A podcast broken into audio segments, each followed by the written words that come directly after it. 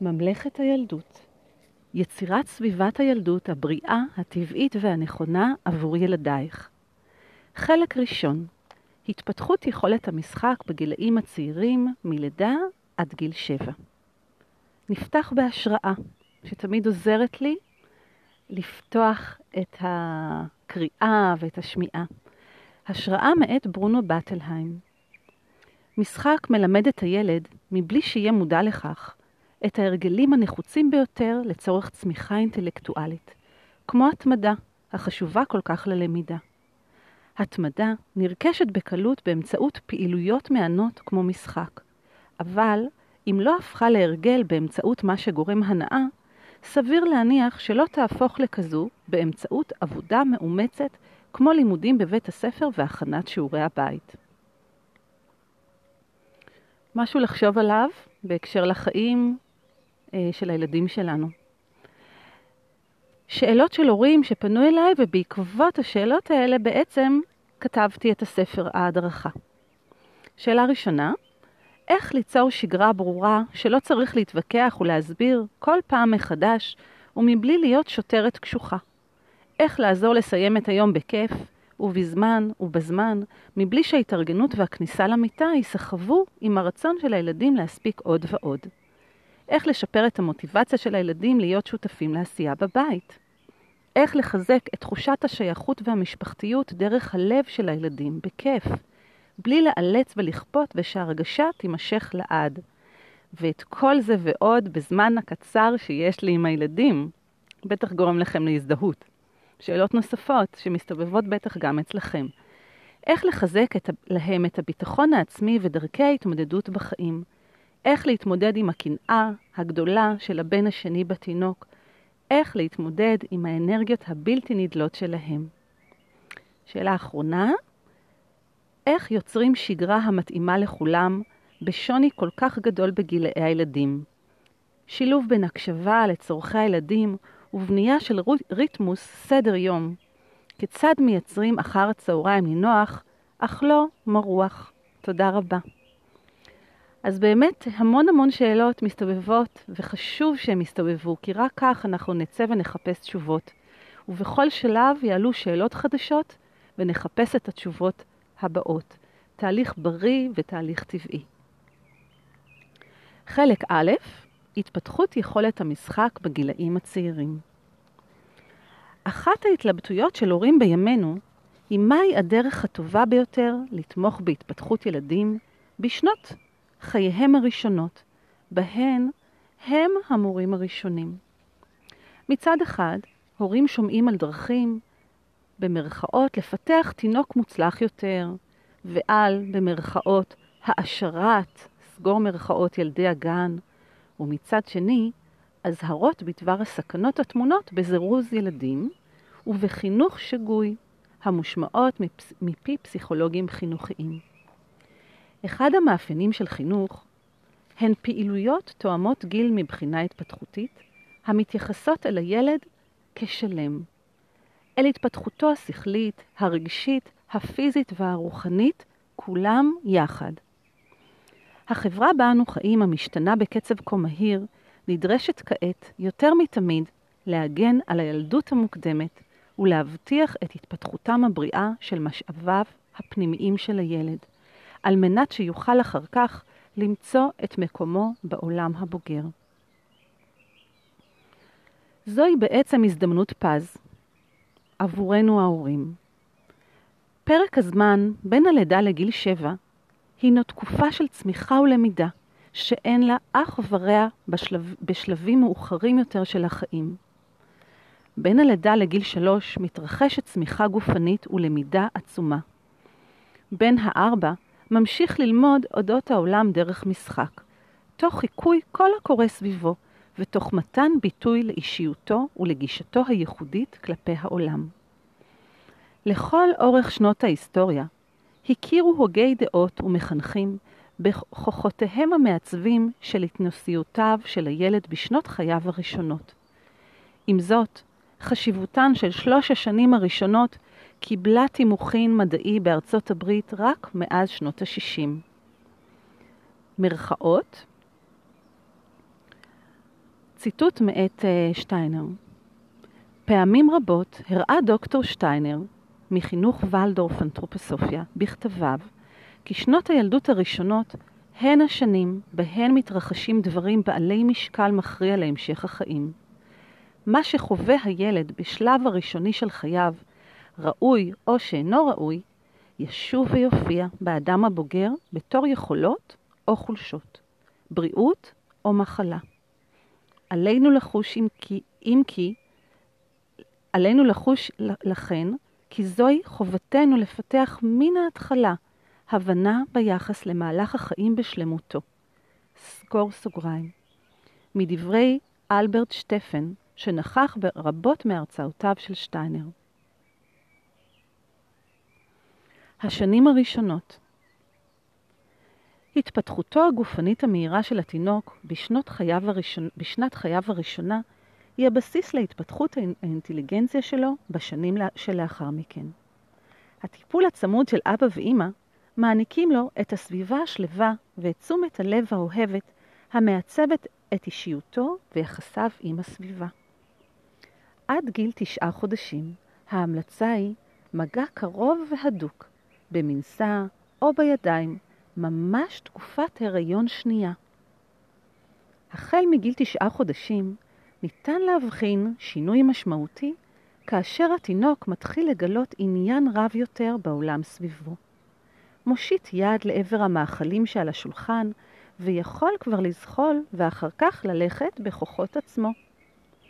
התינוק בשלב זה זקוק לשילוב מאוזן בין משחק עם חפצים שונים, התנועות לשם פיתוח כישורים פיזיים וקשר עם אנשים. חפצים מן הטבע או מן המטבח בבית אהובים מאוד על פעוטות וילדים קטנים. כדורים בכל הגדלים ומכל הסוגים, הסוגים. כדורי לבד אידיאליים למשחק בתוך הבית בשל רכותם. משחקי מים, חפצים היכולים לצוף או שאפשר לשפוך לתוכם מים, יכולים להפוך את שעת הרחצה באמבטיה למהנה ביותר. דיבור ושירה יכולים להתפתח לכדי משחק כאשר התינוק גדל מעט. משחקי קוקו בהגיעם לגיל חצי שנה בערך, התענגות על הופעותו והיעלמותו לסירוגין של העולם. משחקי תנועה פשוטים כמו ידיים למעלה על הראש, גורמים גם הם, גם הם עושר רב לבני השנה. הרגע בו הילד מתחיל לחוש את תנועותיו לא עוד כביטויים של אנרגיה, אלא כפעילויות מכוונות בתוך הספירה של משחקי הדמיון, משתנה מילד לילד. אבל נגל, נגלה בבירור לעין המתבונן בין גיל שנתיים לשלוש. סוגי המשחק הראשון, שסביר להניח שתראו, הם העמדת פנים של אכילה ושתייה או של דיבור בטלפון. סוג זה של משחק נוצר מתוך חיקוי הדברים שהילד עשה, או ראה שאנשים סביבו עושים, בדרך כלל ההורים. אם ילדך רואה אותך מרימה כדורי צמר ומניחה אותם בסלסלה, הוא ישמח לחקות אותך ולהניח אצטרובלים או סלסלי, סלילי חוטים בסלסלה משלו. הוא אינו מנסה להשיג תועלת כלשהו, כלשהי דרך המשחק, הוא מחקה את הפעולות סביבו, וכך לומד את העולם. ילד קטן סופג כל דבר מהסביבה הרגשית והפיזית שלו. החוויות הללו, אותן הוא נוטל עמו פנימה, ללא שום סינון, מוצאות את ביטוין במשחק. כאשר אנו נמצאים בסביבתם של ילדים קטנים, עלינו לשים לב לאיכות רגשותינו ולאיכות תנועתנו. הם מחכים ומכניסים פנימה כל דבר שהם פוגשים. גיל שלוש הגיל שבין שלוש לחמש זכה לכינוי גיל הפנטזיה, מפני שכל העוצמה שהופנתה לעבר לימוד העמידה, ההליכה, הדיבור ותחילת החשיבה, מוצאת את ביטויה במשחק דמיוני. מתוך חדוות התנועה עצמה, שהייתה קיימת עד כה, ובתוספת המרכיב הדמיוני החדש, הילדים הופכים לארנב קופצני או לפיל המשפריץ מים מהחדק. אחר כך יתחילו לשנות את תפקידם ושימושם של חפצים מתוך זרם של אסוציאציות העולות מן החפצים עצמם ומן האינטראקציות שלהם עמם. חתיכת עץ למשל עשויה לשמש כמגהץ, מערוך, סירה ועוד.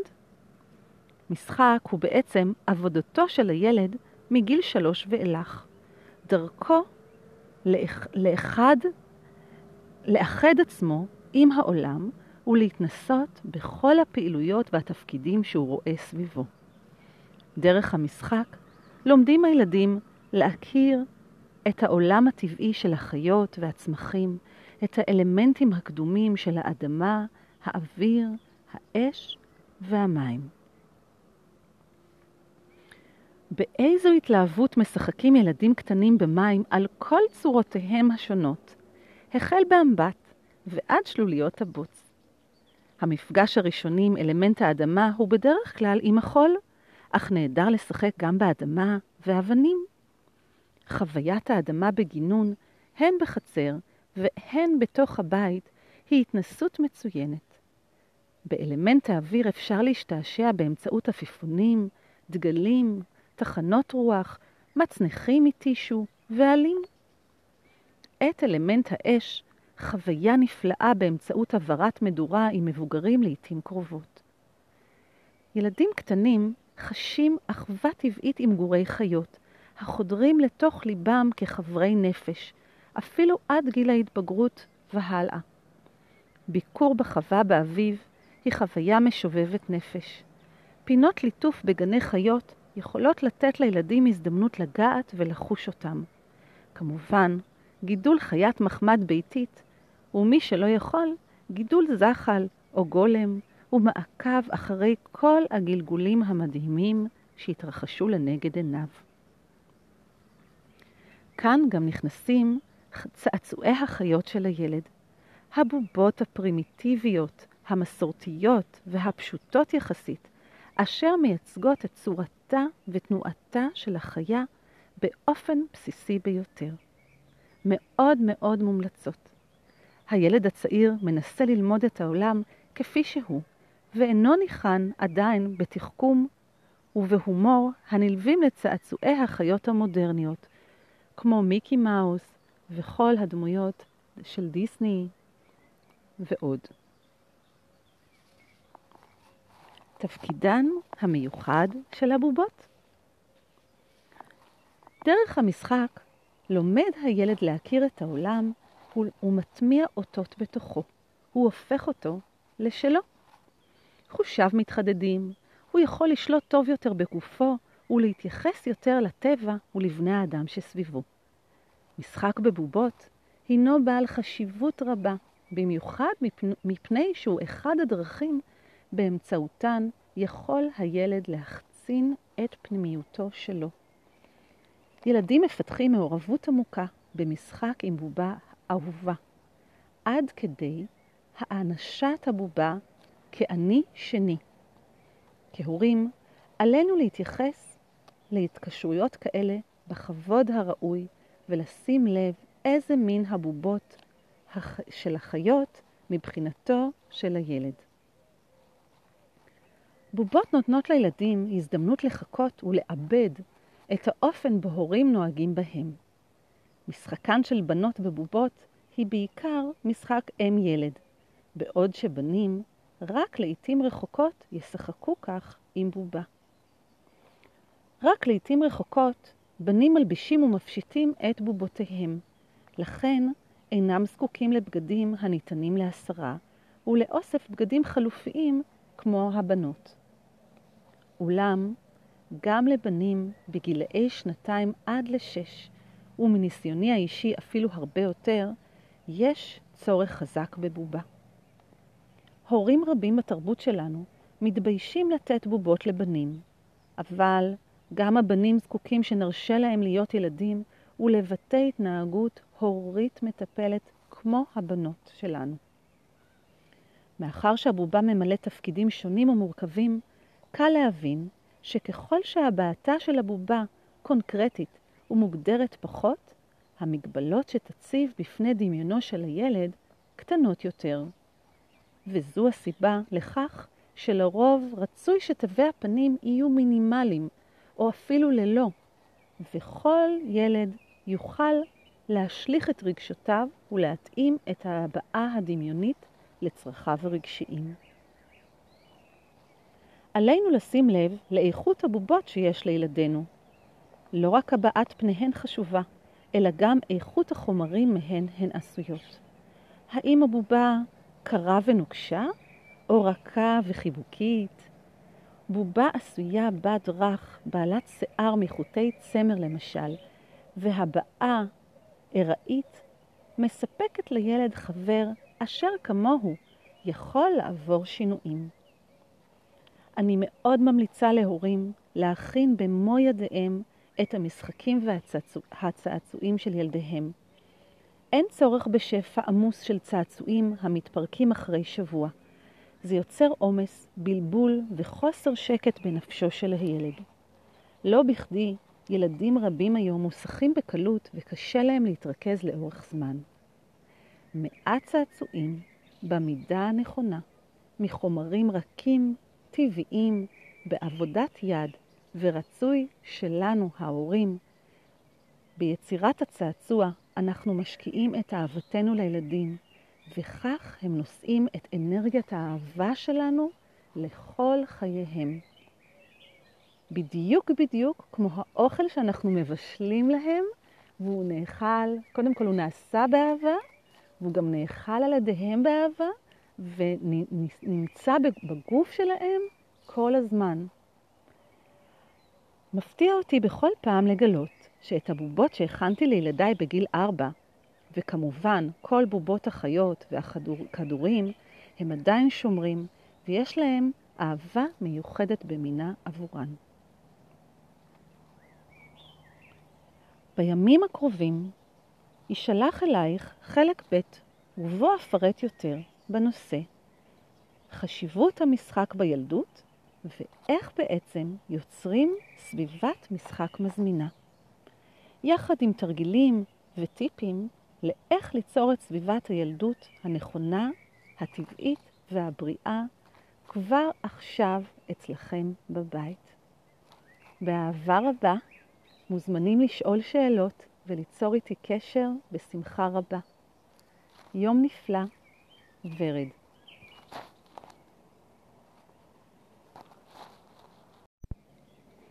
ממלכת הילדות יצירת סביבת הילדות הבריאה, הטבעית והנכונה עבור ילדייך. חלק ראשון התפתחות יכולת המשחק בגילאים הצעירים מלידה עד גיל שבע. נפתח בהשראה, שתמיד עוזרת לי לפתוח את הקריאה ואת השמיעה. השראה מאת ברונו בטלהיים. משחק מלמד את הילד, מבלי שיהיה מודע לכך, את ההרגלים הנחוצים ביותר לצורך צמיחה אינטלקטואלית, כמו התמדה, החשובה כל כך ללמידה. התמדה נרכשת בקלות באמצעות פעילויות מהנות כמו משחק, אבל אם לא הפכה להרגל באמצעות מה שגורם הנאה, סביר להניח שלא תהפוך לכזו באמצעות עבודה מאומצת כמו לימודים בבית הספר והכנת שיעורי הבית. משהו לחשוב עליו בהקשר לחיים של הילדים שלנו. שאלות של הורים שפנו אליי, ובעקבות השאלות האלה בעצם כתבתי את הספר ההדרכה. שאלה ראשונה, איך ליצור שגרה ברורה שלא צריך להתווכח ולהסביר כל פעם מחדש ומבלי להיות שוטרת קשוחה. איך לעזור לסיים את היום בכיף ובזמן ובזמן, מבלי שההתארגנות והכניסה למיטה ייסחבו עם הרצון של הילדים להספיק עוד ועוד. איך לשפר את המוטיבציה של הילדים להיות שותפים לעשייה בבית. איך לחזק את תחושת השייכות והמשפחתיות דרך הלב של הילדים, בכיף. בלי לאלץ ולכפות ושהרגשה תימשך לעד. ואת כל זה ועוד בזמן הקצר שיש לי עם הילדים, בטח גורם לכם להזדהות. שאלות נוספות שמסתובבות בטח גם אצלכם. איך לחזק את, להם את הביטחון העצמי ודרכי ההתמודדות בחיים? איך להתמודד עם הקנאה הגדולה של הבן השני בתינוק, איך להתמודד עם האנרגיות הבלתי נדלות שלהם.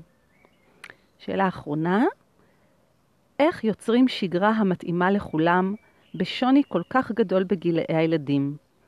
שילוב בין הקשבה לצורכי הילדים ובנייה של ריתמוס סדר יום. כיצד מייצרים אחר הצהריים נינוח, אך לא מרוח. תודה רבה. אז באמת המון המון שאלות מסתובבות, וחשוב שהן יסתובבו, כי רק כך אנחנו נצא ונחפש תשובות. ובכל שלב יעלו שאלות חדשות, ונחפש את התשובות הבאות. תהליך בריא ותהליך טבעי. חלק א', התפתחות יכולת המשחק בגילאים הצעירים. אחת ההתלבטויות של הורים בימינו היא מהי הדרך הטובה ביותר לתמוך בהתפתחות ילדים בשנות חייהם הראשונות, בהן הם המורים הראשונים. מצד אחד, הורים שומעים על דרכים, במרכאות, לפתח תינוק מוצלח יותר, ועל, במרכאות, העשרת, סגור מרכאות, ילדי הגן, ומצד שני, אזהרות בדבר הסכנות הטמונות בזירוז ילדים ובחינוך שגוי, המושמעות מפי פסיכולוגים חינוכיים. אחד המאפיינים של חינוך הן פעילויות תואמות גיל מבחינה התפתחותית, המתייחסות אל הילד כשלם, אל התפתחותו השכלית, הרגשית, הפיזית והרוחנית, כולם יחד. החברה בה אנו חיים, המשתנה בקצב כה מהיר, נדרשת כעת, יותר מתמיד, להגן על הילדות המוקדמת ולהבטיח את התפתחותם הבריאה של משאביו הפנימיים של הילד. על מנת שיוכל אחר כך למצוא את מקומו בעולם הבוגר. זוהי בעצם הזדמנות פז עבורנו ההורים. פרק הזמן בין הלידה לגיל שבע הינו תקופה של צמיחה ולמידה שאין לה אח ורע בשלב, בשלבים מאוחרים יותר של החיים. בין הלידה לגיל שלוש מתרחשת צמיחה גופנית ולמידה עצומה. בין הארבע ממשיך ללמוד אודות העולם דרך משחק, תוך חיקוי כל הקורה סביבו, ותוך מתן ביטוי לאישיותו ולגישתו הייחודית כלפי העולם. לכל אורך שנות ההיסטוריה הכירו הוגי דעות ומחנכים בכוחותיהם המעצבים של התנסיותיו של הילד בשנות חייו הראשונות. עם זאת, חשיבותן של שלוש השנים הראשונות קיבלה תימוכין מדעי בארצות הברית רק מאז שנות ה-60. מרכאות, ציטוט מאת uh, שטיינר: פעמים רבות הראה דוקטור שטיינר מחינוך ולדורף אנתרופוסופיה בכתביו כי שנות הילדות הראשונות הן השנים בהן מתרחשים דברים בעלי משקל מכריע להמשך החיים. מה שחווה הילד בשלב הראשוני של חייו ראוי או שאינו ראוי, ישוב ויופיע באדם הבוגר בתור יכולות או חולשות, בריאות או מחלה. עלינו לחוש אם כי, אם כי עלינו לחוש לכן, כי זוהי חובתנו לפתח מן ההתחלה הבנה ביחס למהלך החיים בשלמותו. סגור סוגריים. מדברי אלברט שטפן, שנכח ברבות מהרצאותיו של שטיינר.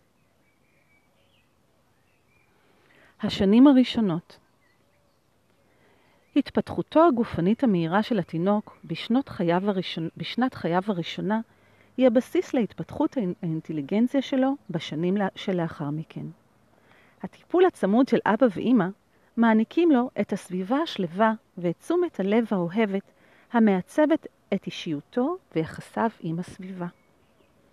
עד גיל תשעה חודשים ההמלצה היא מגע קרוב והדוק במנסה או בידיים, ממש תקופת הריון שנייה.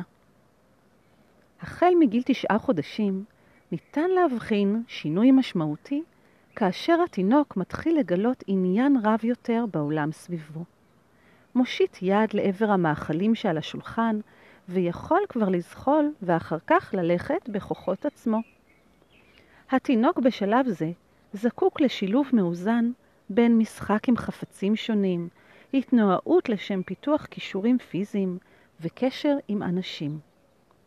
חפצים מן הטבע או מן המטבח בבית אהובים מאוד על פעוטות וילדים קטנים. כדורים בכל הגדלים ומכל הסוגים, הסוגים.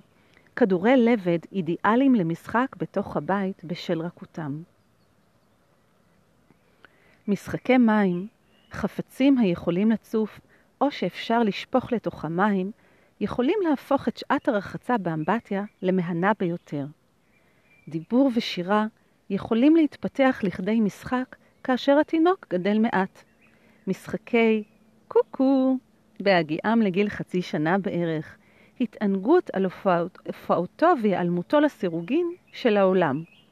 משחקי תנועה פשוטים כמו ידיים למעלה על הראש גורמים גם הם, גם הם עושר רב לבני השנה.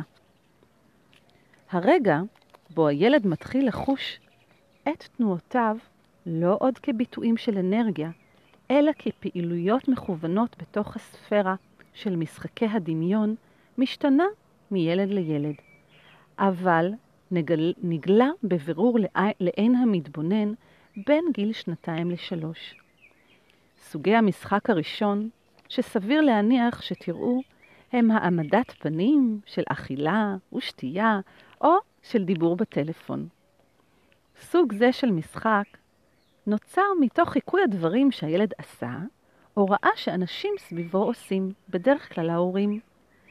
אם ילדך רואה אותך מרימה כדורי צמר ומניחה אותם בסלסלה, הוא ישמח לחקות אותך ולהניח אצטרובלים או סלסלי, סלילי חוטים בסלסלה משלו. הוא אינו מנסה להשיג תועלת כלשהו, כלשהי דרך המשחק. הוא מחקה את הפעולות סביבו, וכך לומד את העולם. ילד קטן סופג כל דבר מהסביבה הרגשית והפיזית שלו.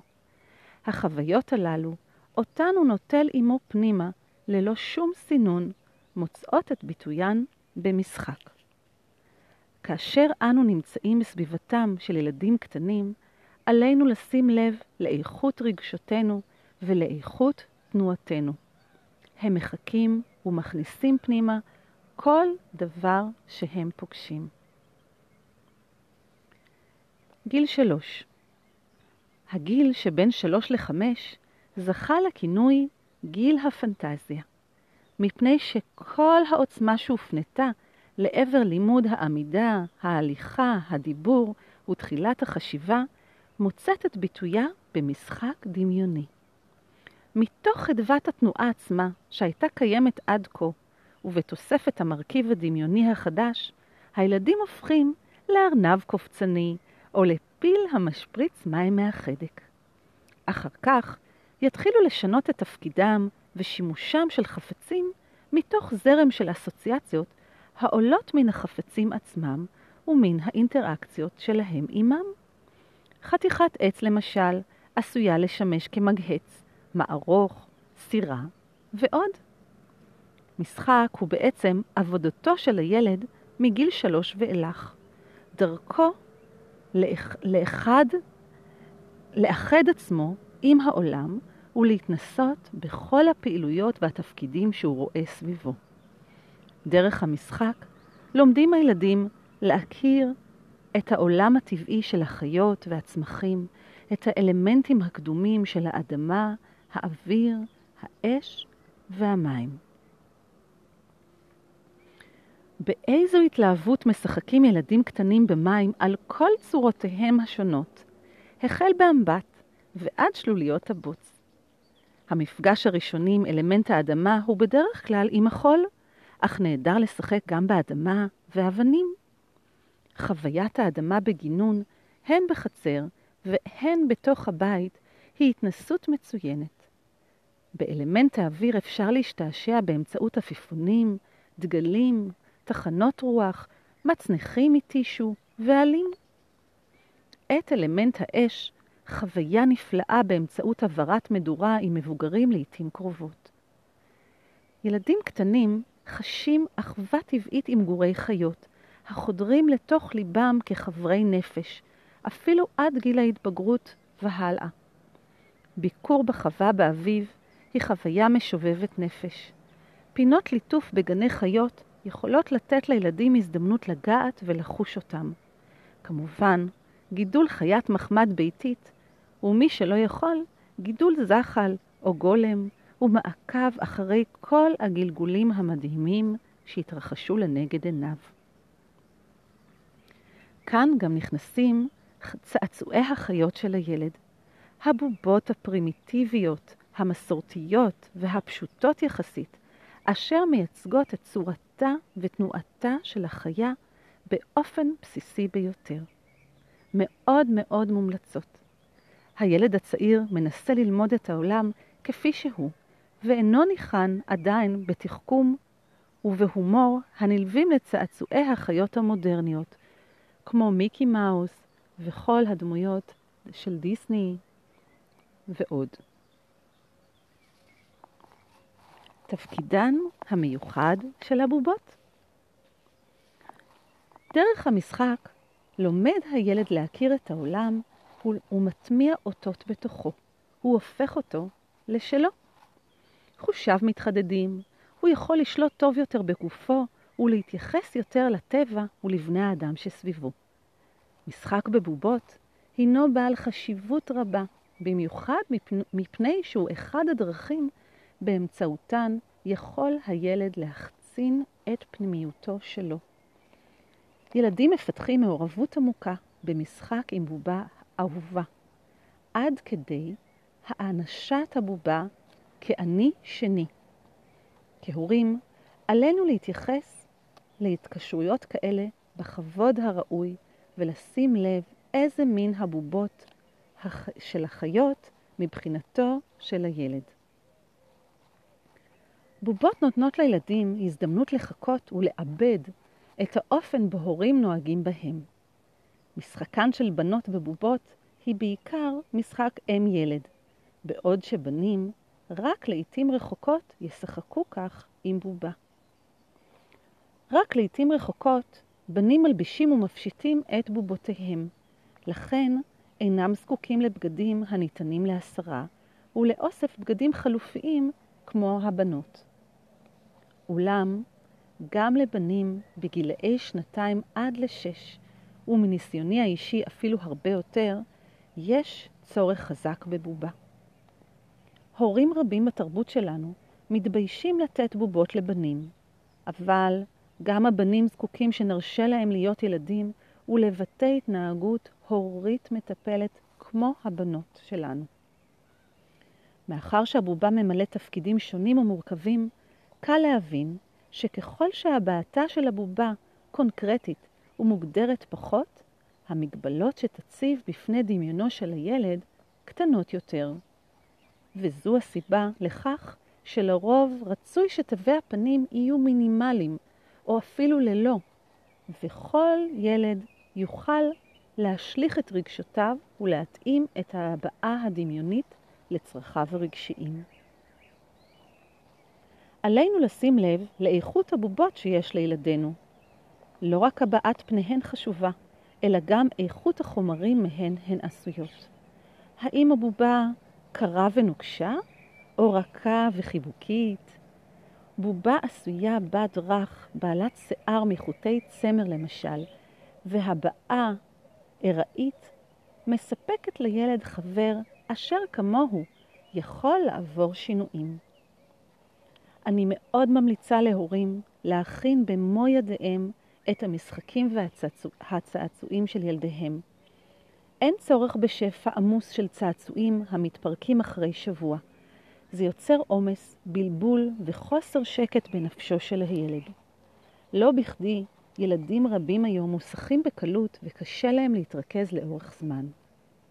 מעט צעצועים במידה הנכונה, מחומרים רכים, טבעיים, בעבודת יד, ורצוי שלנו, ההורים, ביצירת הצעצוע אנחנו משקיעים את אהבתנו לילדים, וכך הם נושאים את אנרגיית האהבה שלנו לכל חייהם. בדיוק בדיוק כמו האוכל שאנחנו מבשלים להם, והוא נאכל, קודם כל הוא נעשה באהבה, והוא גם נאכל על ידיהם באהבה, ונמצא בגוף שלהם כל הזמן. מפתיע אותי בכל פעם לגלות שאת הבובות שהכנתי לילדיי בגיל ארבע, וכמובן כל בובות החיות והכדורים, הם עדיין שומרים, ויש להם אהבה מיוחדת במינה עבורן. בימים הקרובים יישלח אלייך חלק ב', ובו אפרט יותר בנושא חשיבות המשחק בילדות ואיך בעצם יוצרים סביבת משחק מזמינה. יחד עם תרגילים וטיפים לאיך ליצור את סביבת הילדות הנכונה, הטבעית והבריאה כבר עכשיו אצלכם בבית. באהבה רבה מוזמנים לשאול שאלות וליצור איתי קשר בשמחה רבה. יום נפלא, ורד.